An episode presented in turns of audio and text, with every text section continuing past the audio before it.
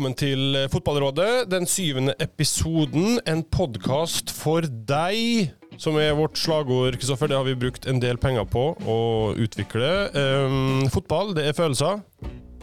Det stemmer, det, altså. Skal du spille av et klipp nå, eller? Nei, nei, nei, nei, nei det orka vi ikke. Det er nok én gang. Har du sett det én gang, så har du sett det. Ja, da har du sett det. Og da har du fått med at uh, det betyr litt, da, vet du, det vi holder på med. Det som uh, egentlig er sabla uviktig oppi det store og hele, så blir det ekstremt viktig når du er inn i den der såkalte bobla. og ja, De to timene du skal ut og spille kamp, så er det omtrent det eneste som betyr noe, å få et uh, positivt utfall av den kampen. og Spesielt når du da bidrar i negativ retning, da, for å si det mildt. Så, så, er det ekstra tungt. Men uh, det var en uh, viss uh, fotballtrener som lærte oss at det er ingenting som blir så fort historie som en fotballkamp. Så nå er det snart neste mulighet til å slå tilbake. Det er bra. Velkommen skal du i hvert fall være. velkommen nå til det, Yawaman Kvar. Du var jo en fast skal vi kalle det gjest i Spillerådet. Nå gjør du comeback hos oss i ny drakt. Hvordan er livet som fotballpensjonist? Ja, det, ehm, det var jo kjapp overgang. Så jeg fikk jo ikke tid egentlig til å omstille meg fra livet som fotballspiller til såkalt fotballekspert. Så det var egentlig veldig deilig at det bare gikk slag i slag. Og så siden det har det bare gått eh, slag i slag. Og det er mye jobb, mye action, mye gøy. Så jeg skal ikke klage. Men sist vi så det, så var det jo omtrent på intensiven. Ja. det var live innspilling fra Ullevål eller Riksen. Fra Ullevål, og det var jo før den første operasjonen. Mm. Og så fikk jeg infeksjoner med maks flaks, og så måtte jeg operere på nytt. Og så inn der på drypp Eh, antibiotikadrypp tre ganger eh, daglig en uke. Så da var jeg eh, lavt nede, og nå er jeg høyt oppe. Nå er det høyt oppe, ja. Det er bra, det er veldig hyggelig å ha deg med igjen. Og velkommen til det og Petter Bø Tosterud, en venn av huset. Du har vært med før, du? Det har jeg. Ja. Hyggelig å bli invitert tilbake, da. Ja, Hva er nytt i ditt liv? Åh, oh, Hva er nytt i mitt liv? Uh, er, jeg, er ikke så veldig aktuell med noe. Jeg har en samboer som har korona. Er det, er, er det, så, er det gøy mellom? Jeg vet ikke, men da har Jeg har testa meg hver dag, så jeg, jeg er frisk. Så ja, blir litt sånn okay. Jeg ble kjemperedd, men uh, bortsett fra det så går det fint. Og gleder meg til uh, full runde til helgen, da. Ja. Vi må stoppe en kjapp tur innom Stavanger. Kristoffer, dere har én seier på de siste sju. Eh, og ligger potensielt ti poeng bak eh, Molde på tabellen. Det har vært rødkort, skader og i det hele tatt. Eh, kan alt det her årsaksforklares med Stensnes og Slatko Tripic, eller hva er din eh, konklusjon etter den perioden her? Nei, det, vi prøver å ikke henge oss opp i enkeltspillere. Vi er jo et kollektiv som skal klare å dekke over selv om den ene eller andre ut. Selvsagt så er du avhengig av dine fremste spillere, det er jo alle lag, men eh, da ønsker vi at noen andre skal stå frem. Og det har jo egentlig vært flink til. I fjor høst og så mangla vi Veton noen kamper og, og, og, vant eh, et par av dem. Og, og Slatko slet også med litt skade da, og vi klarte likevel å, å demme opp for det, hvis jeg skal si det sånn. Så jeg tror nok det at da alle skulle ha oss på sokkel og bære oss ned i Vågen til, til gullfest i, i, starten av mai, så var vi kanskje ikke så forbanna gode som folk skulle ha oss til å være da. Og så er ikke vi så ræva som folk skal ha oss til å være nå, at vi hvis vi tar et par eksempel, så slo vi Sarpsborg 1-0 borte i seriepremieren. Veldig sterk trepoenger, men eh, vi skårer i det 89. minutt og bekker kampen riktig vei. i En relativt åpen fotballkamp der vi også kunne ha fått en tryne sjøl. Eh, vi spiller så hjemme mot Ålesund. og en relativt Ja, vi har god kontroll, men vi skårer jo sent der òg, på akrobatikk da, fra Slatko på en et innlegg som nesten ikke er en målsjanse engang, og så får vi en flying start med to trepoengere. Så kan du da sammenligne med f.eks. Eh, hjemme mot Strømsgodset, der vi har 75% possession. De slipper nesten ikke ut, våres, eh, ut av vår halvdel. Eh, vi har sikkert en 10-12 hjørnespark, men spiller 0-0. Og så blir det beskrevet som en, en svak kamp, sant? Eller hjemme mot HamKam, når vi egentlig gjør en god førsteomgang. Eh, leder 1-0 til pause. Skulle hatt et soleklart straffespark. Uh, Veton der, eh, like etter pause. 2-0, game set, ferdig. Uh, så, så, vi har ikke blitt gode nok til at uh, marginer ikke spiller så stor rolle.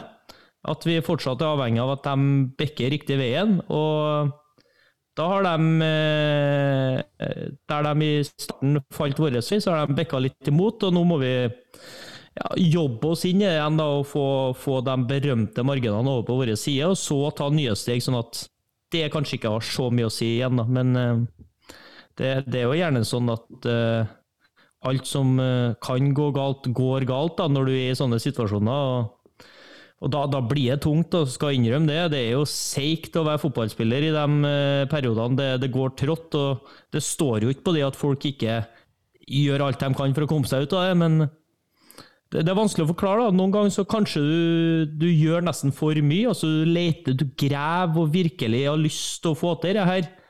Og så kanskje faktum at du skal forenkle.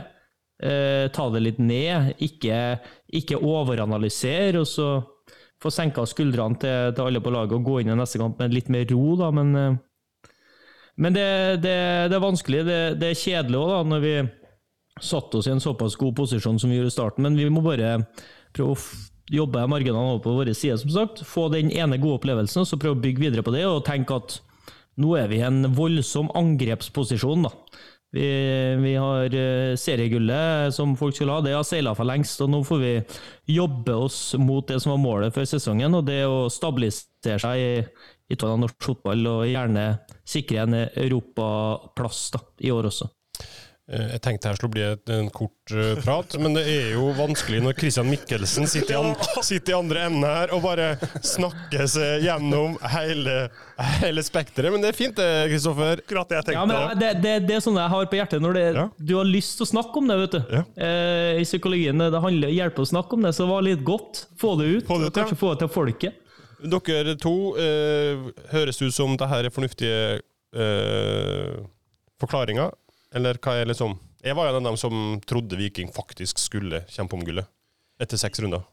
Ja, altså Det går jo an å støtte seg på mye av det han, uh, han sier, men, men uh, for min del så, så, så, er jo Viking Viking er bra og har vært bra i mange kamper, men uh, de er ordentlig bra når vi ser Slatko Tripic i fyr og flamme sammen med Veton Brigstad der da har man kanskje et toppnivå som kan være med å kjempe helt der oppe i toppen. Så blir nivået deres litt mer normalisert uten de enerne, også som Stensnes også, som er en, en ordentlig, ordentlig stopperkjempe. og Se på den startoppstillinga Viking hadde i, i helgen mot Haugesund. Den er ikke like fryktinngytende, og da, da, vil man uh, oftere uh, hva skal jeg si, få økt muligheten for å få sånne perioder som uh, Viking har vært gjennom nå. Ja, altså, på det tidspunktet Tripis ble skadet, så hvis du ser på mange av de individuelle statistikkene på offensive bidrag, så ligger han og, og, og, troner øverst på veldig mange av de. sånn at han er nesten underkommunisert hvor, hvor, god han har vært i år i de kampene han har spilt. sånn at, at det er stort tap. Det viser seg i all statistikk, og så blir det veldig tydelig. Og det samarbeidet, sånn som du sier, han har med Berisha, de to sammen er mye bedre enn uh, bare Berisha alene. Og så Stensnes, selvfølgelig. Og så syns jeg at Viking spiller en ekstremt uh, sånn energikrevende fotball. Som jeg tror er veldig vanskelig å reprodusere i 30 kamper. Mm. Altså på, på, sitt aller, aller beste. Da ser vi, ser vi de sånn som de var mot Glimt, f.eks. Uh, men så kan vi bare forestille oss hvor mye krefter det koster. Og det er bare helt umulig å reprodusere gang på gang på gang. Men så må de håpe at de kan komme opp der så ofte som mulig. Mm. Og, så, er det noe annet også når du begynner å komme i nærheten av toppen av tabellen. Kanskje kjenner et par av spillerne på at man skal begynne å forsvare et eller annet. Eh, hverdagskampene mot Sandefjord er kanskje ikke like morsomme som festkveldene. Husker jo Sandefjord-kampen deres i fjor borte. Eh, det er jo noe av det verste jeg har sett av Viking eh, noen gang. Og så kommer på en måte en, et nytt tap igjen da, mot et presumptivt svakere lag. Det er, det er, vanskelig det å på en måte skape en kultur hvor du blir vant til å vinne. Uansett hvilket nivå spillerne klarer å levere. Så um, ja, det, det er mye fine referanser dere får på denne tøffe perioden også, som dere kan ta med dere videre. Nå ble jeg veldig eh, Geir Jorda, eller hvem Jeg ble veldig sånn mentalt renner ut av dette her. Men håper det hjelper. Ja, det ble samtaleterapi. Ja. Du må sende faktura. Men, ja. ja altså, men de jobber jo med fotball. Jeg det er ok. Det er gode poeng de kommer med, dem òg. Det, det, som er, da, at når du f.eks. Uh, mister en som Slatko, som Så klart, alle lag i verden er avhengig av enerne sine å produsere. Men da handler det om å kanskje grave med seg poeng på en annen måte. da. Eh, kanskje å få dem, når du sliter med skader, å komme seg gjennom den perioden på en litt annen måte enn det vi har evna å gjort nå. da. Eh, sånn som f.eks. Molde skal ha, ha, kred for å, og håndtert sin, sin, skadeperiode på en del eh, viktige spillere på en, på en veldig god måte. Så vi får jo bare lære av det til forhåpentligvis flere år framover. Skal kjempe om det edleste. Mm. Ok, bare helt uh, kjapt et spørsmål fra Heinevik. Han uh, lurer på om spillere ser på XG, for der er Viking høyt på tabellen. Betyr det noe, lurer ja, han på? Det er mange som ser på det, og det brukes jo innad det også. Eksempel i, i, en motgangsperiode så kan det brukes som en virkemiddel fra trenerteam da, i analyse og vise at på expected goals da, så, så har vi ikke tapt en eneste kamp. Men ja. Nå er jo jeg veldig sånn det, det har ekstreme svakheter, XG, så jeg er ikke så opptatt av det sjøl. Altså. Men noen blir kanskje lurt da, til å Ja da. Du spiller fantasy, så blir du lurt av det. Eh, ok, eh, vi får se hvordan det går i helga. Da det er Rosenborg som venter. Det blir i hvert fall en veldig morsom, interessant, spennende kamp. Eh, la oss hoppe videre. Fem tap på de siste sju. Cup-exit i går. Trøym i garderoben. Halve laget forsvinner i sommer. Og så ligger de på kvalikplass på tabellen. Sesongen til Vålerenga virker nesten å være mer eller mindre ødelagt.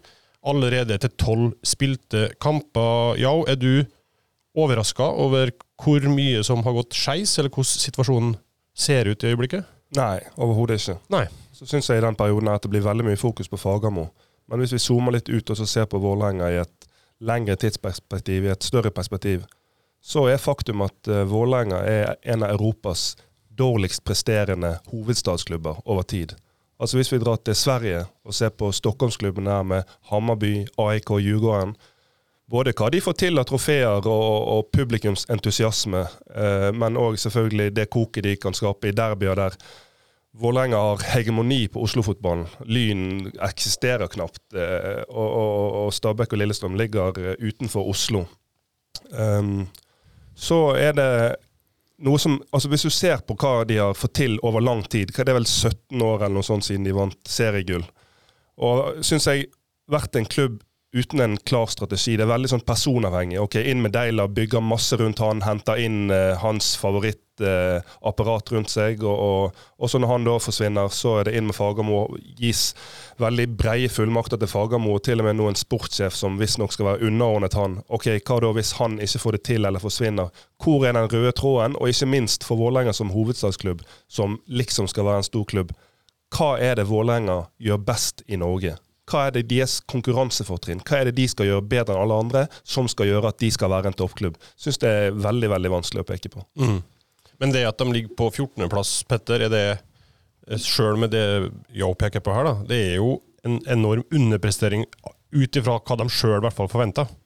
Ja, og de eh, ressursene de, de sitter med. Altså ser du på over, eh, over, en lang periode, så vil jo som regel de lagene som har mest penger og bruker mest penger, oftest kommer best ut eh, på tabellen. Eh, og Vålerenga de, eh, de, har hatt hull i lommene i mange år. Kasta ut penger uten å ha fått så veldig mye igjen for det. Nå fikk vel Fagermo én medalje i starten her, og man tenkte kanskje at man skulle bygge videre på et eller annet, men så har ikke de klart å utvikle seg på noen som helst måte. han var brukbart fornøyd mot, mot Glimt nå sist i, i cupen.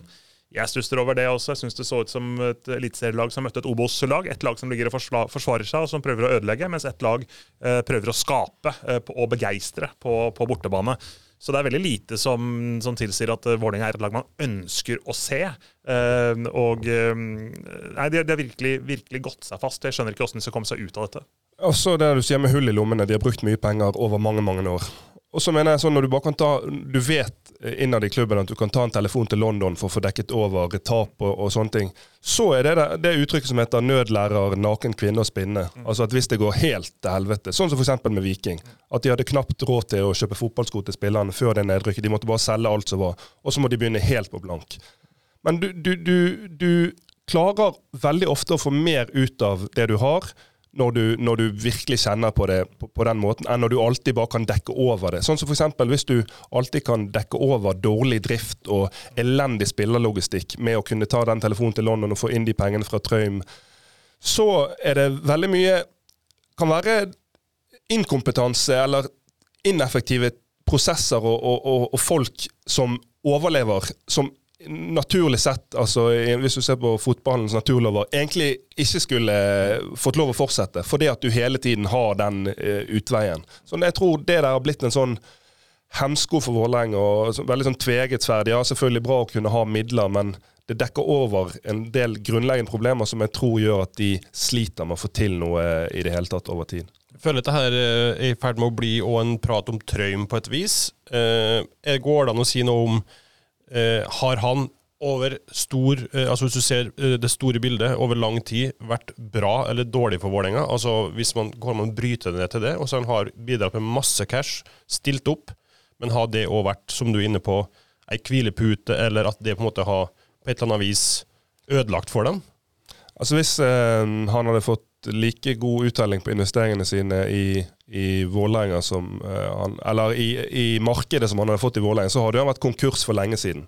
Og Det er jo fryktelige investeringer. og da er vi på f.eks. dette med spillerlogistikk. da. Nå, Ferskeste eksemplene er jo Bjarnason og Suta. og Spillere som sikkert har god lønn, men som ikke leverer i nærheten av hva man skulle forvente. Men så ok, De gjorde et godt salg i for eksempel, våren 2019. Eh, var de oppe på fjerdeplass. Mye positivt. De gjorde et godt salg med Ejuke. Dette var jo under, under Deila fortsatt. Og så kommer de inn med, på sommervinduet der, Pierre Kanstrup og Marion George, for å bruke det som eksempel. Og det er to spillere som, Hvis du hadde sett med et halvt øye i to sekunder på dansk superliga, så kunne du altså, du kunne tatt en telefon til hvem som helst som har gjort det, og visst at dette her er katastrofesigneringer. Men så blir det litt sånn typisk Vålerenga. Og jeg tipper på at de hadde over 100 000 kroner i månedslønn. Sånn at, og, og, blant fotballspillere så føler jeg Vålerenga har blitt en sånn klubb. Nummer én, eh, du vet du kan få godt betalt der. Og nummer to, så tror jeg òg det er blitt en ulempe for Vålerenga å ligge i Oslo. Fordi at de tiltrekker seg spillere som vil bo i Oslo. Med, med, alt det innebærer av distraksjoner, og de vil komme og, og, og gå med Balenciaga-gensere på Aker Brygge istedenfor å ta på seg arbeidstøyet. Sånn at jeg tror at f.eks. Eh, Bodø og Molde har faktisk en fordel på en måte i forhold til det der tiltrekkende spiller. For de vet at ikke noe, eh, Med all respekt for både Molde og Bodø, men det er jo faen ikke noe annet å gjøre der enn å spille fotball og fokusere på trening og fokusere på å bli en bedre spiller. Så jeg tror det er noen av de tingene som gjør at det er vanskelig å få til noe i mm. Vålerenga. Hvordan hadde du reagert, Kristoffer, eh, hvis investoren hadde plutselig dukka opp i garderoben og Uh, hvis det stemmer det Nettavisen refererer til, altså etterlysen kampvilje og sjøltillit og altså sånne ganske elementære ting? Når jeg leste det, så stussa jeg jo først og fremst om, på at, om det der er lov. Altså, fordi at vi fikk jo på pukkelen fordi at det var styrelederen i AS da, som sto og hadde pressekonferanse og forklarte hvorfor Bjarne Berntsen ikke fikk eh, en ny kontrakt som trener osv. Og, så og at du da du har ikke lov til å ha noe sportslig, sportslig makt, da, så vidt jeg har forstått, når du det er med i det AS-et. Uh, mens han da etter sigende skal ha gått inn der og, og freda treneren, så, så, opererer jo han som, som et sportslig eh, overhode i tillegg, da. Så altså, på én side så syns jeg det er jo, jo flott at han virkelig bryr seg, at han er engasjert. Han ønsker Vålerenga det aller, aller beste, at de skal opp og frem. Men det kan jo være, som Jo har vært inne på, rett og slett en hemsko. Eh, en bjørnetjeneste, det han driver med økonomisk til tider. Som gjør at de hele tida kan trikse og mikse seg ut av trøbbel, istedenfor kanskje at oi, må vi, må vi, faktisk se på hva vi kan krydre laget med i KFUM og Grorud, og, og, få tak i en lokal spiller som kanskje har det lille ekstra når det kommer til sult, giv. Eh, Vålerenga er drømmen min for å skal opp og frem. Kanskje det, da, uten Trøym, hadde vært 14., 15., 16. mann i troppen til Vålerenga. Eh, sammen med det de sjøl får opp av, uh, av, spillere, og så sakte, men sikkert da, eh, fått enda Nå vet jeg at de er dyktige, og det kommer opp Dikko Eng, f.eks. en spennende spiller. Odin Tiago Holm, spennende spiller. Sidi Jatta osv. Så, videre, så det jobbes jo godt. Men hvis det hadde vært også over flere år inn mot det her, da, så tror jeg jo også den tilhørigheten hvem er vi, hva står vi for, hadde kommet enda mer fram da, til, til, folk i Oslo og omegn, og hadde favna mer interesse på, på den måten. Så det, det virker merkelig at, en, at en, Det høres nesten litt sånn internasjonalt ut, egentlig. At en, at en eier eh, har tilsynelatende såpass mye makt. da. Det høres ut som Molde for noen år siden, med Røkke som kommer ned i garderoben og knuser flaskeautomater og alt i, i frustrasjon over cup-exit. Men eh, eh, for å bare pirke litt mer borti Fagermo, Petter. Jeg syns jeg har sett at du eh, ikke er så begeistra for det han har levert, eller hva, hva ser du for deg? Altså, er han rette mann? Bør han få fortsette? Hva, hvordan ser du veien fremover? Nei, slik det ser ut uh, nå, da, så, så, så, øker jo presset for hver eneste dag. Og jeg ser ikke noen annen mulighet. At det eneste som kan gi han litt mer tid, er jo en, en seier og en overbevisende prestasjon mot KBK. Alt annet så kan han ikke fortsette, etter min mening. De har gått seg så fast. Uh, de, de, spiller en litt sånn gammeldags 4-3-3. Uh, eh, veldig mange andre lag spiller 4-3-3, men på en litt annen måte enn en Vålerenga også. Så det, er rett og slett å trekke i, i nødbremsen. Uh, for det er, det er, resultatene han lever av til syvende og sist. Han kan snakke så mye han vil om uh, at uh, expected goals og åssen kampene egentlig er, men, men et sted må, må grensen gå. Altså. Nå skrev jeg det manuset her før cupkampene i går, og da noterte jeg meg at de har solgt førstekeeperen sin og sitter igjen med en helt uprøvd ung gutt på jeg husker ikke alderen engang, men Sjøeng, som er 20, eh, 20 år. ja. Eh, og så spilte jo han eh, en veldig god kamp i går, så han har jo fått en kjempestart. Men ta, eh, det jeg har skrevet her, er jo eh, ung keeper, eh, kolon galskap, spørsmålstegn. For det er jo én måned med en keeper som aldri har stått i Eliteserien, og dem, det presset han får på sine skuldre. da eh, hva han kan sitte igjen med hvis det her går skikkelig gærent en måned til.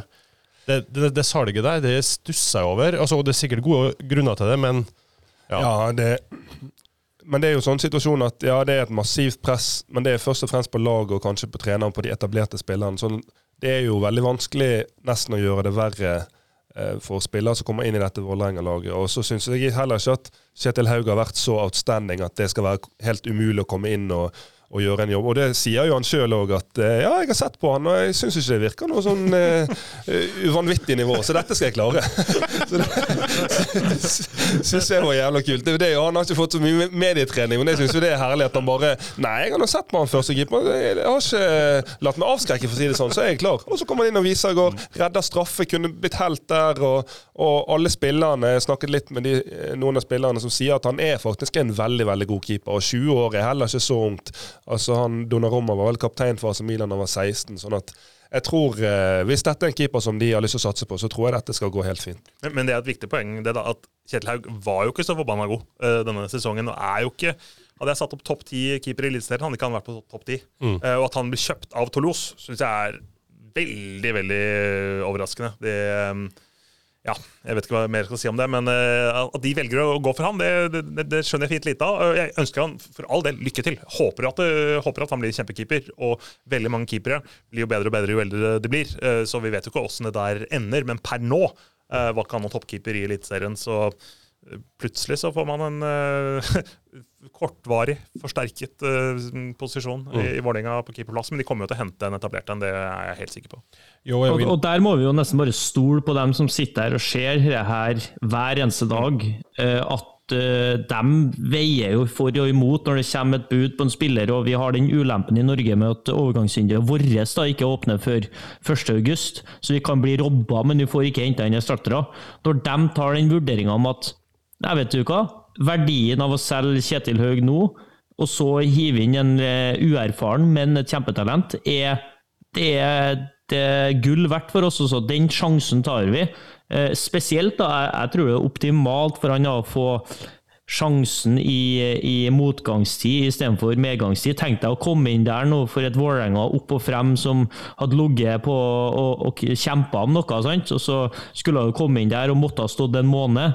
Da hadde du følt kanskje på et annet press enn, enn det han gjør nå. Så, så, jeg tror jo det der bare kan være en, en kjempemulighet for han personlig, og at Vålerenga ser at vet du hva, da får vi også en, en måned å se han på, sink or swim, og så vurderer vi deretter om vi skal hente en ny keeper, om vi skal være tøffe og satse på han som førstekeeper i, i Vålerenga. Eh, spørsmål for både til det, Kristoffer og Yao. Hvor kjapt bør man som spiller og klubb erkjenne at ja, vi kan faktisk rykke ned? Det virker ikke som den erkjennelsen har nådd Intility hos alle, i hvert fall. Nei, det bør skje veldig fort. Altså, jeg ser de, noen som spekulerer i ja, KBK har bare ett poeng, og, og Jerv ser svake ut. Men det er jo kvalik, og det å havne på kvalik for eliteserielaget, da er det plutselig helt åpent, og det er Shake Stevens og panikkstemning. sånn at det må man unngå for hver pris. Og det kan Vålerenga veldig fort gjøre. Eh, også det der å tro at en eller to eller tre dyre signeringer som har vært i utlandet og, og tjent seg mett, og nå skal liksom skal komme hjem og snu hele skipet, det tror jeg er naivt å tro på. Mm. Tror du, ja, Kristoffer, som spiller? Ja, I mitt hode som spiller så bør jo hele laget være innstilt på at, uh, at du må skrape sammen nok poeng til å kunne stå i divisjonen, det er jo første pri. Altså, Eliteserien er så tett og uforutsigbar for ja, si nesten 10 av 16 lag. da. Uh, er litt usikker på hvor havner vi faktisk i år. Uh, der det, man ikke er god nok, da, som vi snakka om tidligere, til å, at marginer ikke har noe å si.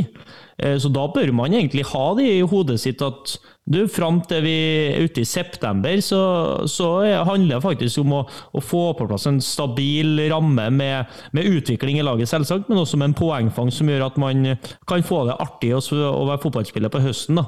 Det, det er i hvert fall den tankegangen jeg går inn med i, i, i hver sesong. og så så kanskje noen tenker nei, hvis du spiller der, der så skal du være ambisiøs og tenke sånn og sånn og sånn. Ja, det, det får nå være dem, da, men du ser jo hvordan det, det kan gå med enkelte. Helt til slutt, hvis Petter Bø Snåsarud skal se inn i fremtida, hva ser du for det for Vålerenga etter 30 spilte kamper? Uff. Um, det kommer jo helt an på hva som skjer nå de neste, den neste måneden, neste halvannen måneden. Hvor får Fagermo ubegrensa tillit? Er det han som skal stå dette løpet her hele veien ut? Da kommer de til å kjempe for å, for å holde plassen. Da må det være det eneste fokuset. Men også plutselig så snur ting. Fagermo forsvinner ut. Kommer inn en eller annen svenske eller danske som Joakim Jonsson har lansert på disse listene sine da han, eh, da han lanserte trenerkandidater. Det er jo en av de som kommer til, sikkert til å, til å havne i den jobben. og det er jo ikke så, ikke så langt opp, um, opp, heller, så det, det, finnes jo noe der. Det finnes jo kvaliteter i den spillergruppa til å få mye mer ut av det laget. Så um, alt er ikke helt uh, bekmørkt dersom man klarer å, å, trykke på de riktige knappene når man hele tatt finner dem. Mm. Ja, og så ræva har de ikke vært. Nei. De har ikke vært sjanseløse liksom, og ser helt fryktelig ut. Jeg, jeg har sett en del kamper. og eh, ja, det er litt statisk til tider, og du syns at det er litt seigt. og Skjønner ikke helt hvordan de skal klare å, å skape de gjennombruddene. Men, men så, de har ikke blitt utspilt så, så veldig ofte. da, Oppe i Bodø ble de eh, herja med, det blir de fleste. Også I går syns jeg også det var klasseforskjell på lagene, men, men det, er noen, det, er noen, lag imellom dem og Bodø, for å si det sånn. da. Ok, Bra. Det blir spennende å følge med hva som skjer på Intility fremover, både uh, utafor og på banen.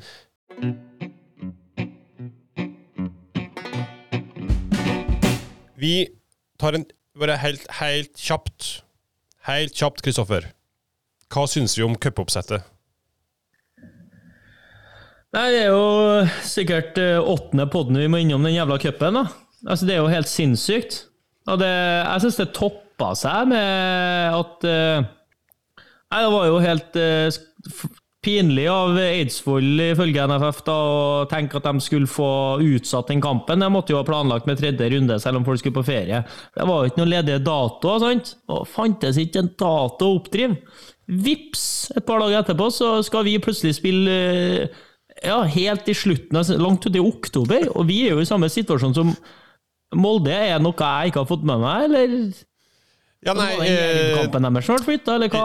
Ja. Eh, og så, for å trekke linja litt tilbake i tid òg eh, Du kan jo bruke samme argumentet mot Bodø-Glimt, som da var for i hermetegn dumt å skjønne at de kunne gå videre i Europacupen, og dermed var datoen som var satt opp, passa ikke der heller. Det er jo samme, i prinsippet det samme som Eidsvoll-turen opplever. Jeg blir helt matt. Altså, det jo, jobbes jo godt for å bare få avvikla hele skitten. Eh, og det er i hvert fall ikke utvikling. For Hvis eh, dere skal gå til cupfinalen, så spiller dere første runde 19. mai i år. Og Så er det andre runde 22. mai, og så er det 19. oktober. Tredje runde. Og så kommer det sikkert fjerde runde i mars neste år. Kvartfinale i mars, april. Og så er det finale i semi, da. Eh, nei, finale i mai. Eh, og så skal fjerde runde, som spilles i mars, den skal trekkes Er det 23. august, eller? Ja, Jeg tror det den blir, oktober. Et, ja, jeg, jeg tror det blir holdt til at det skal trekkes samtidig som kvinnecupen. Ja, Ja. Så selv om stort sett alle er ferdigspilt med tredje runde i dag, så skal vi vente i evigheter før vi får vite neste runde som skal spilles. Ja, det er jo en uting å si for eksempel hvis Vålerenga hadde gått videre og Joakim Jønsson hadde fått viljen sin, så hadde jo Vålerenga spilt neste runde i cupen med et helt nytt lag, helt annet lag. Det kom til en haug med spillere, haug, haug med svensker, så eh, hva er det her for noe? så det det der å ha eh, cup som går på altså tvers av sesonger, det, det funker ikke. Enig? ja, jeg orker ikke. Jeg Nei. orker. Nei, ikke mer, det var ikke altså- mer cup. Vi var, nei, vi var innom det så vidt tidligere i år, og da uh, hadde vi en Stabæk-kaptein som var veldig imot, og så begynte liksom folk å resonnere rundt å, det var så deilig å spille cupfinale i mai i Oslo med beger i sola. Det kom så mange vikarierende argument inn i, i Vi bildet der. prøvde jo å hjelpe dem, da. Vi prøvde liksom å løfte produktet, men det, de jobber jo imot. Altså, her ga vi dem alle mulige virkemidler, men de har tydeligvis ikke hørt eh, den poden, dem, da. Konklusjonen er vi må tilbake til det som funka før. Glem alt annet. Håndsopprekning for Ja, dem som hører på, ja. det er umulig for dem å skjønne hva resultatet blir da, men tror vi at det blir Ja. gammelt oppsett igjen fra neste år? Ja, jeg tror det. Så det sier seg sjøl når cupfinalen var nå i vår, og kongen ikke gidder å komme. Da, Ja. Når kongen ikke gidder, så er det ingen andre som gidder. Nei, Det er korrekt. OK, bra. Det var Eh, Sandra, Sandra Borch var her. Sandra Borch, var er det? Det skal hun ha. Eh, vi holder oss i Trøndelag, det gjør vi jo ikke, men vi drar til Trøndelag eh, i en pod der vi stort sett snakker om eh, klubber som har noe å, å slite med. Stjørdalsblink er nær konkurs og fikk tirsdag økonomisk hjelp fra kommunen, men ett av premissene der for et lån på to mil, det er at Spillersdalen sier ja til minimumslønninga eh, på 4000 i måneden. Det går de ikke med på. Spillerne har sagt at det er uaktuelt å gjennomføre i eh, praksis.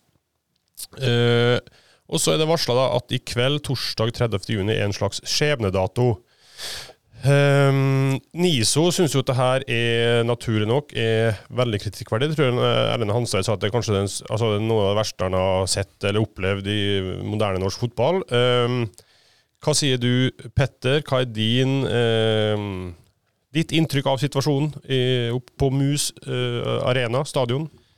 Først og fremst er det veldig trist da, at klubben har klart å sette seg i denne situasjonen. Altså, de har jo dratt på seg noen utgifter, selvfølgelig i forbindelse med denne stadionen de bygde i, i 2019, etter at de eh, rykket opp, og har jo ikke klart å øke inntektene i takt med at utgiftene har økt ved voldsomt. Fordi det er selvfølgelig en del ting som henger sammen når du skal opp et nivå. Det er en del krav eh, når det gjelder stadion og, og diverse, og de har rett og slett tatt seg vann over hodet. Og så er det jo utrolig merkelig at det er spillerne som skyves foran eh, alle de som har tatt disse avgjørelsene, de som har vært med å bestemme hvordan denne økonomien i Blink skal styres. Og en kan tenke seg selv, eh, dersom man har eh, jobb, jeg regner med at en del av lytterne har, har jobb, og hvis du tjener, eh, disse spillerne tjener jo ikke spesielt mye. da. Eh, Makslønn er kanskje mellom 20 og 30 000 etter hva jeg forstår i Blink. og Hvis du går ned til 4000, eh, du har kanskje en kone, du har kanskje noen barn, eh, du har kanskje et huslån. Eh, det er jo en helt umulig situasjon. Og når de har fått disse pengene fra eh, kommunen, dette lånet som de søkte støtte om, og det forutsatte jo fra kommunens side også at spillerne skulle gå med på det, det er rett og slett ikke pent eh, spill da, overfor spillerne som blir satt en skvis. Ja, hva syns du om klubbens håndtering, og at det er på en måte spillerne som må ta en stor del av støyten her? Nei, Jeg håper jo først og fremst at de som eh, eh, gjennomførte disse stadionplanene og den budsjetteringen, ikke får en krone. At de, deres lønn ryker, ryker først. Og så at spillerne eh, ender opp, sånn som du sier, som har forpliktelser, regninger som skal betales og familier, som ender opp med å settes i skvis, altså 4000 eller ingenting. Er jo helt hårreisende, Har nesten aldri hørt maken. sånn at det her høres jo nesten på grensen ut til kriminelt å sette arbeidstakeren som Ja, men det mener jeg. Sette arbeidstakere. Det er jo arbeidstakere. Det er lett å hive rundt seg med sånn uttrykk ja, spillere ditt, spillere datt. Det er jo arbeidstakere som blir satt i en situasjon som i andre bransjer hadde ja, vært på grensen til kriminelt. Jeg ser ikke for meg at dette hadde blitt akseptert som løsning i noen andre deler av næringslivet. Eh, blant annet Erlend Hanstveit i NISO sitert på Kristoffer. Du som spiller, hvordan hadde du reagert? Jeg har vært gjennom dette her før. da. Eh, lignende i, Ranheim. Jeg tror jeg hadde tre lønnskutt i løpet av eh, min tid. Eh, nå ble vi aldri bedt om noe mer da, i hermetegn eh, enn 25 selv om 25 er en god del penger, det òg, for dem som har forpliktelser der ja, folk som lever ellers, da kan jo se for seg når man har et budsjett, og så, og så kapper man 25 fra en, en, god del av inntekten sin, så, så blir det jo tøft. Eh, og da var det jo Det som var ubehagelig da, var jo at spillere blir satt under press. da. Eh, man føler på et veldig ansvar, for eh, man får liksom nesten slengt i trynet at ja, hvis dere ikke er med på dette, så ryker klubben. Og da er det omtrent sånn at du kjenner på at å ja, er det vi som skal bestemme nå, og er det vi som er skyldig, hvis, om det er klubbens være eller ikke være? Men det, det, er jo helt feil, så jeg er veldig glad for at de ikke går med på det her. For dem som er skyldige i denne situasjonen her, er jo de menneskene som har sittet og bestemt hvem er det som har signert en spiller som eksempel, Ivar Solli Rønning kom fra Færøyene før sesongen her. En god signering i blinkeøyne, en god spiss i, i, i Obos-ligaen. En kan jo garantere at han ble signert i vinter på rundt 20 000 i måneden. Hvem er det som vet tallene at her, her sliter vi, men likevel klarer å akseptere at det går? Istedenfor å sette ned foten. Vet du hva, vi har ikke penger. Vi må prioritere dem vi har. Eh, vi må kanskje prøve å selge spillere. Eh, F.eks. høre om Ranheim er interessert i noen som gjerne er en, en, en samarbeidsklubb for å, for å, flytte på kostnader før det her skjer. da. Men nå har jeg jo faktisk vært borti så jeg vet at det finnes sånne mennesker. For da Frank Lidahl kom inn i, i Ranheim, og vi skulle ordentlig rydde opp i dette her, og, og, og, klubben skulle finne ut hvem vi er, hva vi står for, og spille med, med ærlige åpne kort rundt økonomi, så, så samla vi inn til et stort møte. Det var spillere, trenere, sponsorer, øvrig støtteapparat, det var supportere, frivillige. Det var masse folk i det rommet. Eh, styremedlemmer. Og så er det litt brainstorming, da. Hva skal vi gjøre? Hvordan øker vi inntektene? Hvordan senker vi kostnadene? Og da var det jo faktisk en, da, som ikke klarte å lese klima, som ikke skjønte helt eh, hvor han var og hva vi holdt på med. Eh, jeg skal ikke nevne navn, men han skriver eh, ja, til dels kontroversielle kronikker for Nidaros. og han rekker da opp hånda og sier Nei, jeg syns nå egentlig vi skal fortsette å tørre å bruke penger vi ikke har, jeg. minus pluss minus blir pluss? Folk fikk jo hakeslepp. Altså, her satt vi liksom Skal vi selge sjampo? Skal vi selge lodd? Skal vi vaske Altså, skal vi vaske gangene eh, på stadion sjøl? Skal vi rullere på alle slags ordninger, liksom? Og bli best på det som er gratis, og starte der? Nei, da var det jo en som mente at nei, man må jo tørre å satse med penger man ikke har. Så det sitter jo sånne folk rundt omkring og mener det, og så får de bestemmelse, og så til slutt så går det til helvete, og da er det jævlig synd du plutselig skal få et spilleransvar. da, og, og sitte der og med kniven på strupen. Ja, ja. Da var det du som gjorde at dem og dem gikk konkurs. Mm. Hva eh, tenker du, Petter? Tror du Blink eh, kommer seg ut av det her, eller ser det noe litt sånn mørkt ut for dem? Noen av spillerne vil nok kjenne litt ekstra ansvar på å prøve å gjøre absolutt alt det de kan for å være med og, og redde dette her. Mens eh, mens andre vil nok um, kunne forsvinne. Nå tenker jeg på det sportslige også for, for lagets del, for de skal, de skal, jo fortsette denne, denne sesongen. Uh, Alternativet for de, de, som ikke skal bli inn på dette kuttet, er jo å rive kontrakten i, i, i filebiter. Uh, og da er det sikkert en del andre klubber som, um, som står klare, sånn som Ranheim, Levanger, uh, typ, som, som, kan hente disse spillerne. Men uansett hvordan La oss si at Blink kommer seg gjennom dette, her, så må det jo ta et tak i klubben og rett og slett samles er vi klare nok til å drive på dette nivået? Altså de har jo, Først og fremst må du kanskje bygge en administrasjon da, som, som, jobber på heltid. Jeg har forstått det slik at det er ingen i klubben som, som har 100 %-stilling. Du må kanskje ha det fundamentet på klubbhuset før du skal bygge en, et lag som kanskje er for stort for klubben, eh, med de utgiftene du, eh, drar på deg. Og vi har jo sett det samme med, med, med Raufoss. Er i en tilsvarende situasjon eh, i dag. De har, de har vært eh, bosatt i, i rød sone i, i Obos-ligaen. Og er de da klare for Obos, selv om de er en eldre og mer etablert klubb i, i toppfotballen sånn sett? Mm. Ok, dette her kommer til å få en relativt rask avklaring, skulle man ja. tro. Eh, så man vet ganske raskt hvordan det går med Stjørdals-Blink. Det blir spennende å følge med på.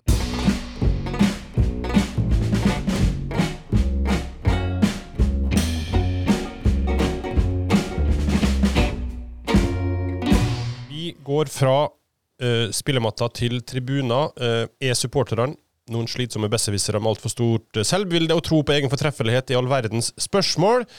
Eller er det et helt nødvendig korreks til kapitalisme og sjølgode klubbledere, eh, klubbledere, som helst skulle drevet på for seg sjøl? Den siste tida har vi sett flere eksempel på hvordan supportermakt kan få konkrete konsekvenser, med eh, boikott av Qatar. Eh, eh, Chelsea-supportere som gikk til gatene utenfor Stamford Bridge. Eh, United-fans som fikk utsatt Liverpool kampen, Fordi for de storma banen der. Det var jo Superligaen som var utgangspunktet der. Og så ser vi jo at i Tyskland så er mandagskampen fjerna etter sterke protester fra supportere. Så, og her hjemme så er det jo VAR som er et stort um, krigstema. Pyro på tribuner, for liten åpenhet i NFF. Uh, det er ting som supportere engasjerer seg i, og de mener hardt. Uh, og så har de jo en del makt. Ja, har de generelt sagt for mye makt, eller hvordan vil du eh, legge det ut med supporterne hvis du først skal dyppe hånda nedi det her? De to spørsmålene du stilte til å begynne med, det syns jeg svaret er ja på begge to. Eh, og så er det jo litt kontroversielt. Jeg har vært egentlig over tid eh, følt Nå er jeg bergenser og sett eh, medlemsmakten i Brann, hva den kan få til, og hva den kan gjøre av både positivt og negativt. Så jeg har jo følt at for å kunne som klubb være så handlekraftig i et veldig sånn komplekst situasjon som det å drive en fotballklubb er, for å kunne være så handlekraftig som du trenger, så kan du ikke konsultere med alle. Altså Da blir det altfor byråkratisk, og det er altfor mange som har en mening. Sånn at du må ha noen opplyste ledere som, som bare treffer avgjørelser og kjører på. Um, sånn at minus er jo, hvis det blir for for stor supportermakt, så syns jeg det er veldig ofte sånn ja, supporterne skal ha noe å si, men hvem er det da som har ansvaret? Ok, Supporterne får masse ansvar, og så blir eh, viser det seg da at supporterne ikke vet best, og så det, går det helt ad undas. Hvem er det da som har ansvaret? Eh, ja, supporterne, men hvem er support supporterne? Denne tittelen, supporterne, er jo ikke én person. Det er jo tusenvis av personer, og alle som har prøvd å lede en gruppe på mer enn to, vet jo at eh, det er masse forskjellige mennesker, sinnssykt mye forskjellige meninger. Eh, bare i lille, kan si lille Sandefjord så er det jo en supportergjeng på la oss si 200 stykker. Som likevel har klart å dele seg i to fraksjoner. sånn at eh, Det er problematisk hvis du skal, hele tiden skal spørre alle. Og så er det dette med klubbstyring syns jeg blir tatt for lett på. Klubbstyring er jo et eget fag. Sånn som vi ser ute i Europa nå, at de dyktigste på klubbstyring, altså de dyktigste klubbdirektørene, eller såkalt technical directors, f.eks. i Premier League Vi ser han Dan Ashworth, som ble hentet til Newcastle nå fra Brighton, som er liksom viden kjent som en av de aller beste i gamet. Eh, eller når, når, City bygget opp sitt eh, imperie med Pep og hentet Chicky Bergistan og de gutta fra Barca som har suksess der, så er det et eget fag som, som eh, ikke nødvendigvis Eller som man trenger en kompetanse for å kunne eh, drive. Men så på andre siden, da. og det, dette er noe som jeg egentlig har reflektert mer og mer over det siste. Vært veldig tydelig på at supporterne har for mye makt. Men så nå over siste, jeg vil si egentlig siste halvåret, så har jeg eh, begynt å tvile litt på det. da. For du ser eh, eh, f.eks. dette med eierskap. Uh, ja, hvis det går helt ad undas, så er det i hvert fall ikke én person som For det at hvis det, makten er konsentrert hos noen veldig få personer, så er du avhengig av at de vet hva de driver med. For Hvis ikke, så blir det jo stygt. Um, og så er det jo dette med sportsvasking og, og den superkyniske kapitalismen som tar over. Mer og mer og mer og mer fotball, golf, altså egentlig alle idretter. Så er jo supportermakt en, en direkte motvekt til det. Og da er liksom spørsmålet ok, For er, mitt utgangspunkt har vært at gjennom å konsentrere makten hos færre kompetente folk, så blir kvaliteten bedre. Og det tror jeg på mange måter fortsatt på. Men det, hvis det går på bekostning av en del verdier og en del ting, så er spørsmålet egentlig Ja, det kan bli litt bedre, men er det egentlig verdt det? Og der er jeg eh, begynt å komme i tvil. Uh, og så leste jeg faktisk nå, for det er en gammel bok, men den store ulv om Jon Fredriksen. Og måten Vålerenga på et tidspunkt bare var sånn leketøy og, og penisforlenger for disse milliardærene. Eh, og det er liksom bare så skrekkelig, det er så flaut og det er så uverdig for en, for en klubb som Vålerenga at eh, jeg er nå litt mer ja, i tvil. Du Petter, du, er du motvekten her, som på en måte har lyst til å snakke supporternes sak i større grad enn yo, eller? Nei, altså, jeg syns han modererte seg litt etter hvert, eh, etter hvert der, da, og ble litt uh, rundere i kantene. Uh, men, men, det er så forskjellig fra sak til sak, da. Uh, synes jeg skjønner det at alle kan ikke bli hørt hvis en, hvis en klubb skal, skal drives på, på, en god, på, en god, måte. men det er, jo, det er jo supporterne som er klubben. Som er liksom hovedtanken min da, som, som når man er fotballsupporter. Uh, ja, og medlemmer, for å inkludere. Det er supporterne, altså, ja. det er medlemmene, det er, det er, drakta, det er logoen. Det er det som er klubben. Spillerne er ikke klubben, spør du meg. da. Mm. Uh, jeg er ikke så interessert i å ha navnet til en spiller på ryggen, f.eks. Det er klubben som, som, som, engasjerer meg, og det er min hovedtanke rundt, rundt dette her. Men ja, jeg kan forstå at uh, man kanskje ser en økende trend til at man blander seg inn i mer saker uh, som man ikke gjorde tidligere. Uh, men det er fordi at samfunnet har forandret seg. Med sosiale medier og alt sånt, så, så er det blitt mye lettere å være en deltaker da, i, i, alle mulige diskusjoner og samle folk til å ha noe tog eller storme banen ja, og, for det og det. Og der mener jeg at klubber må være veldig tydelige på at enkelte ting, her skal vi ta avgjørelsen. Mm. F.eks. i Brann, hvis lokalavisene har så stor makt, eller supporterne er totalt bestemmer f.eks. hvilket underlag det skal trenes og spille kamper på, så må klubben være tøff nok til å si at så lenge de er overbevist om at hva som er det riktige for klubben, så må de være tøff nok til å si sånn gjør vi det, og sånn blir det ved enkelte ting. For det at hvis alt skal opp til diskusjon, sånn som du sier, på Twitter så går det an å diskutere absolutt alt i hele universet. Så hvis alt skal opp til diskusjon, så, så blir prosessene for treige, det blir for utydelig ansvarsfordeling for hvem er som har ansvar for det som skjer. Men sånn som det med kunstgress, da, den er interessant. For det der er en identitetsgreie for meg igjen. da. Det syns jeg ikke handler om sport. Det handler om hvem du er som klubb.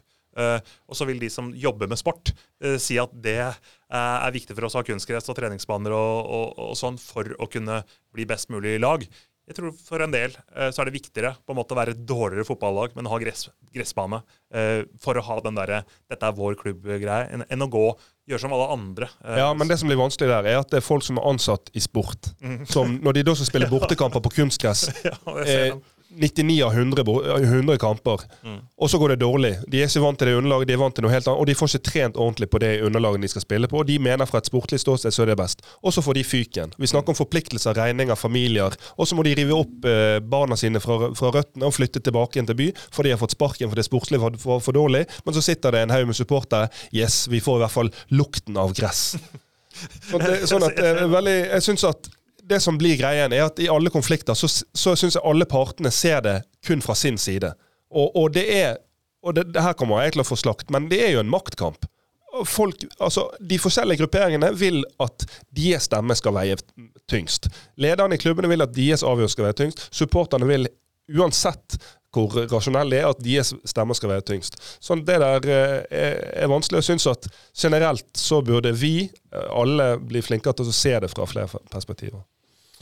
Um, nå er det jo en veldig sånn eh, Det har i hvert fall vært en veldig supporter-go i Stavanger. Masse folk på tribuner, felt O utsolgt hele tida.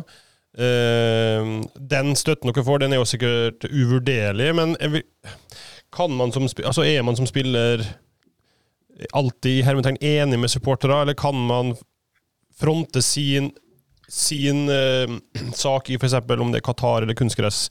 Eh, saken, Kristoffer, å gå på en måte på tvers av egne supportere sin mening, eller er man litt sånn Ja, jeg skjønner hvor du vil hen, at man enkelte kan føle seg bundet av å ja. mene det samme som supportergruppa gjør, men, men der er jo stikkordet er jo dialog.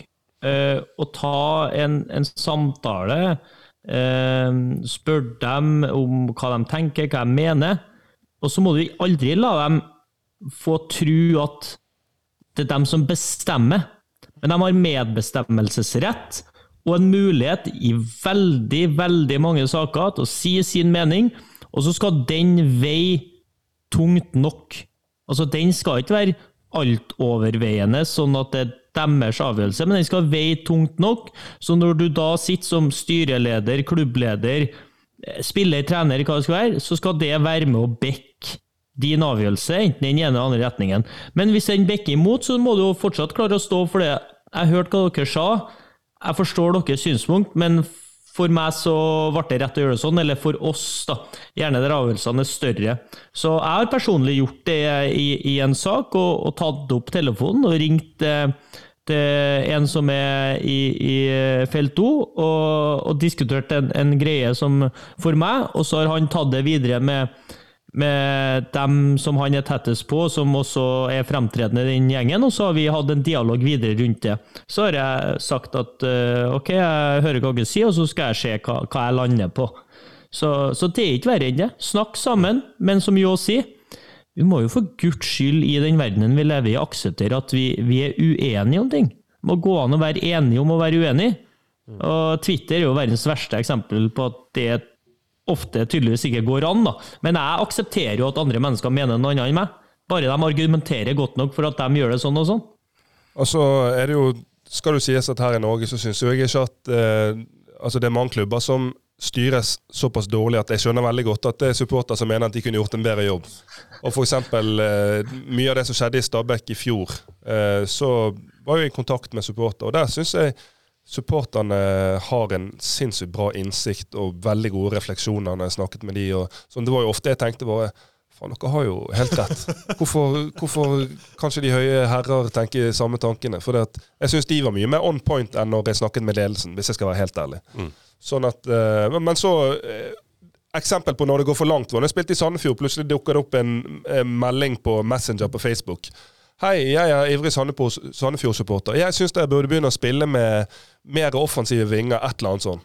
Og så skrev jeg bare hyggelig tilbake bare hei, denne, dette innspillet kommer ikke til å bli tatt til etterretning, takk. For det, det syns jeg var nesten sånn på Det syns jeg var over grensen. Begynner å fortelle jeg uh, ja. ja. Skal ikke legge seg opp i hvordan laget vårt spiller, i hvert fall. Der der, der, har jeg, der, har jeg, mottatt noen fantastiske SMS-er i siste, som jeg da ikke kan svare på. Jeg vet ikke hvem det er. Han har sendt jevnlig 1. mai, så skrev han God formiddag. Resultatmessig gledelig på stadion i går, men tidvis rufsete på banen og lite patent forsvar. Må nok skjerping til mot Molde. Synd på Sandberg som ikke får det til. Ikke noe i lørdagsvisen at du og T ikke skulle være med. Håper begge er på plass i neste kamp. Og så fikk jeg Det var forrige, jeg orka ikke å svare, da. Eh, etter sa Haugesund nå. Må vedgå at jeg ble varm i toppen og se på det rare dere fant på Haugesund. Men nytter lite å dvele lenger over det. Nå må skuta rettes opp igjen. Laget har ikke råd til å fortsette å tape poeng. Så nå håper vi alle på seier både onsdag og søndag. Enig? spørsmålstegn. ja. Gode, gode innspill. En som vil klubbens beste. Jeg elsker, jo, jeg elsker jo engasjementet. Da, for at de samme folkene som når vi rusler av banen mot Sandefjord, fyrer seg opp og er så sinte og roper de styggeste ord og har lyst liksom å ta deg ikke og røske deg, de setter seg faen meg på bussen og ser oss spille mot Vard Haugesund i andre runde i cupen etterpå. Det, du skal få være så sint og engasjert og frustrert du bare vil, men når du da klarer å kanalisere til den støtten som vi ofte opplever, så, så syns jeg det er bare ja, på sin plass. Konklusjonen er jo uansett at uten supporterne så er vi ingenting. Det, det er jo eh, med to streker under svaret. Sånn er det bare. Uten supporterne så er vi ingenting. Men så kan vi være oppå det, være uenige om mye. Mm. Ok, bra. Eh, det var jo veldig hyggelig eh, å komme til en så minnelig løsning her, da. Som Kristoffer sier, dialog. Da, da blir det bra. Ok, vi må videre til denne ukens uh, løksuppe. Des légumes, des légumes, des légumes, mon cher, le secret de la longévité. Des légumes, des légumes, des légumes. Des légumes, des légumes, des légumes. Da må vi faktisk inn i SMS-boksen igjen, fordi at uh, ja, etter det, det, fatale røde kortet og det dønn ærlige, følelsesladde intervjuet, så kom det jo masse SMS-er. Og det er når du er langt ned at du trenger dine beste kompiser. Og da sendte Gjermund Aasen meg melding. Eh, 'Reise deg fra det her, min venn', med et hjerte. Og jeg satte jo ekstremt pris på det, og sendte et hjerte tilbake. At han tenker på meg sånn. Men hva er vel sterkere enn ord? Det er handling. Så når han tar saken i egne hender og klasker på seg sitt Jeg tror det er hans også. Første røde i karrieren. Dagen etterpå at jeg var i kjelleren. Og attpåtil får seg to kamper mens jeg får én kamp karantene. Det er ekte, ekte venn. Altså. Det har gått rykter om at vi skal på guttetur til Marbella, om vi skal på Østersundtur med Magnus Barstad. Jeg kan avkrefte det. Men eh, jeg har prøvd å få han til å komme og besøke meg her i Stavanger i helga, så får vi se om det lykkes. Ja, veldig bra. Uh, Gjermund Aasen er uh, enormt opptatt av vennskap, uh, lag og den biten der. Så uh, den forklaringa her, at det her òg er en støtteerklæring, det- den kjøper jeg. Jeg tror det, faktisk. Ja.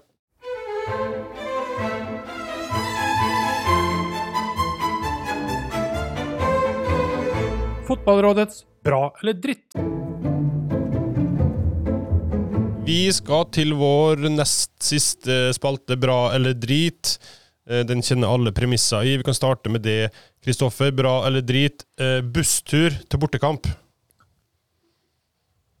Avhengig av lengde, men i utgangspunktet drit. Hjemtur for bortekamp? Ei. Det, da går buss etter en seier. Gjerne tredjedivisjon og ned. Og Da har man jo også noe med seg i bussen. Det er jo alt avhengig av det, selvsagt. Eh, bra. Ja, å flytte stengen innover for å gjøre målet mindre. Bra eller drit? Nei, det er tydeligvis bra, for etter han ble bustet og sluttet, måtte slutte å gjøre det. Han slapp inn en haug med mål. Sånn. det må vi si bra, da. Den kynismen der, den eh, Jeg tror ikke det var noen tilfeldigheter. Jeg tror det er rett og slett eh, å prøve å utnytte det man kan for å vinne. Er det ikke Du skal få slippe å svare på det, Kristoffer, men det, er, er, det må være så enkelt? Eller? Det er jo 15-20 cm det er snakk om her. Det er ganske mye. Ja, men nå vet jeg ikke om han aktuelle ville Jeg ville hatt han som representant egentlig for noe som helst av sånn prinsipielle diskusjoner. For han virker som en skrue for meg, altså. Ok, Petter, du skal få ta litt storpolitikk her, eh, i og med at du er liksom den du er den tenkeren blant oss. Oi, ja. Gianni Infantino, bra eller drit? Drit. Hvor drit? Nei Nei eh, Alt, alt er bare drit. Med alle mulige pamper og møkk. Nei, jeg orker ikke si mer. Ok, bra. Kristoffer, sommerpause i Eliteserien. Bra eller drit? Det er jo drit, ja. Det, det er jo drit, men det, ja, vi får se da hvor mange som dukker opp på kamper rundt omkring. Jeg frykter at den eh, feriekulturen vi har i Norge, den står så sterkt, altså, å ta ferie. Jeg, jeg har et liten drøm om at det skal føre til at mange kanskje tar turen til bortekamp, og du får se litt sånn fullere bortefelt rundt omkring i den perioden her, da. At det kanskje er en positiv greie, men eh, jeg frykter jo litt for lave tilskuertall all over for at folk er Kroatia eller Spania, hvor de skal være. Ok, ja, og en siste til det. Eh, sjansen for at Stabæk rykker direkte opp, er den bra, eller er den drit? Det er bra. Syns det er bra. Syns det ser veldig solid ut. Slipper inn lite mål, så skårer det litt for lite. Men eh, nå var det han eh, Gift eh, Orban, eller hva han het, som eh, så veldig spennende ut i cupen mot Gjøv- Gjøvik-Lyn. Sånn at Får de inn en ordentlig spiss, så vil jeg si at de faktisk er favoritter bak Brann, i mitt hode. Enig, Peder? Ja, De var det før sesongen, men jeg syns ikke de er det nå. Nå syns jeg de fem-seks lagene som ligger bak Brann, er ganske drit. Hele gjengen. Hvis Ja, skal, det, jeg, jeg syns ikke de har, de har overhodet ikke vært outstanding, men jeg syns de er minst drit av Ja. den bunchen bak der. Ja, liten anerkjennelse til det lokomotivet Ja, ja, i fjerde. da. slapp av. Det er voldsomt om dagen, da. faktisk. Det er faktisk det. Eh, og så en siste til det, Petter. Å feriere ved bassenget med drakta fra den klubben du er utleid fra, at du har den på deg, med eget navn og nummer bakpå. Å feriere altså, Du er på ferie, og så har du på deg Ja. din egen spilledrakt Ja. fra den klubben du er utleid fra, ved bassenget. Bra eller drit? Uff, jeg, jeg tenkte du kom med den Haaland-greia. At jeg var jo Det, det stakk jo litt i magen for min del. Han, han bar den Genoa-drakten. Det likte ikke jeg, selvfølgelig. Eh, Men øh, det er ingen av delene. Uh, Nei. Nei, altså, Nei, det er jo har- ikke lov. Nei, fader, du, har jo, et- du har jo et forhold til den klubben du, du, du, du er utleid fra. Den skjønner jeg, og så skal du liksom Nei. Bra, da. Fader. Og du er jo på ferie òg, og så har du med Jo, det men sånn som det med Haaland. Han skal ikke ta på seg den Genoa-drakta og spre det. Respekter den klubben som, som du er tilknytta. Sånn, sånn er ikke jeg med fan av. Eh, Men utover rent klubbtilhørighet her, da, og akkurat det Den drakta som plagg, da, ferieplagg Eh, altså Jeg syns det er drit hvis det er det at du spiller en stor eliteserieklubb, er blitt utleid si til en Obos-klubb, men er på ferie og skal imponere damer med å gå med drakten til denne store klubben. eh, med navnet ditt bakpå. Når du egentlig er på utlån fordi at du ikke er god nok. Da Jeg vet, jeg, skal, jeg vet, jeg vet ikke hvem dette gjelder, men da syns jeg det i hvert fall er drit. det, den, eh, den, Han personen her eh, satt jeg og observerte tilfeldigvis utafor Marbella. Fordi han hadde, eller familien eller noen hadde leid leilighet. Og det var Jonathan Braut Brunes. Ja. Som satt i Braut Brunes drakt fra Lillestrøm. Jeg syns det var litt søtt, og samtidig veldig rart. Og som kritiserte treningen til LSK etter én uke i start. Og sier jeg drit. Ja, men det er bra. Ok, vi har en liten joker på slutt her. eh, Ja, for du har bedt om å få ordet her. Det har jeg. Og nå har jeg egentlig fått litt mindre tid enn det jeg skulle ønske til denne spalten. For det her må vi trekke opp store linjer. Ok. Og vi skal kombinere to ting som veldig sjelden i fotballen verden, fotballens verden blir kombinert. Det er ultras. Alle kjenner til ultras. Fryktede ultras hos alle store klubber. Intens, de mest intense og de mest gærne supporterne. Vi skal kombinere ultras, og så skal vi kom kombinere noe som vi alle har. Mødre. Og hva blir det? Det blir ultras, ultrasmoren. Og hvem er det? Det er en dame som går under navnet Ruth Lie. og, og, og, og hun går litt under radaren på Twitter, for det at hun heter ikke Ruth Løkberg som sin sønn. Hun heter Ruth Lie. Og for eksempel, da ehm, Når Viking hadde spilt en ganske dårlig kamp mot HamKam, 1-1, uforløst og stakkato og det er lugget, så kommer Ruth Lie på Twitter, smeller til. Nå er det nok. Dårlig start på en langhelg vikingfotball. Kanskje inhabil, men savner min. Krigeren på midtbanen. Så da er spørsmålet til folket der. Og forresten, til alle som er glad i norsk fotball, og spesielt vikingsupporter, inn og følge Ruth Lie.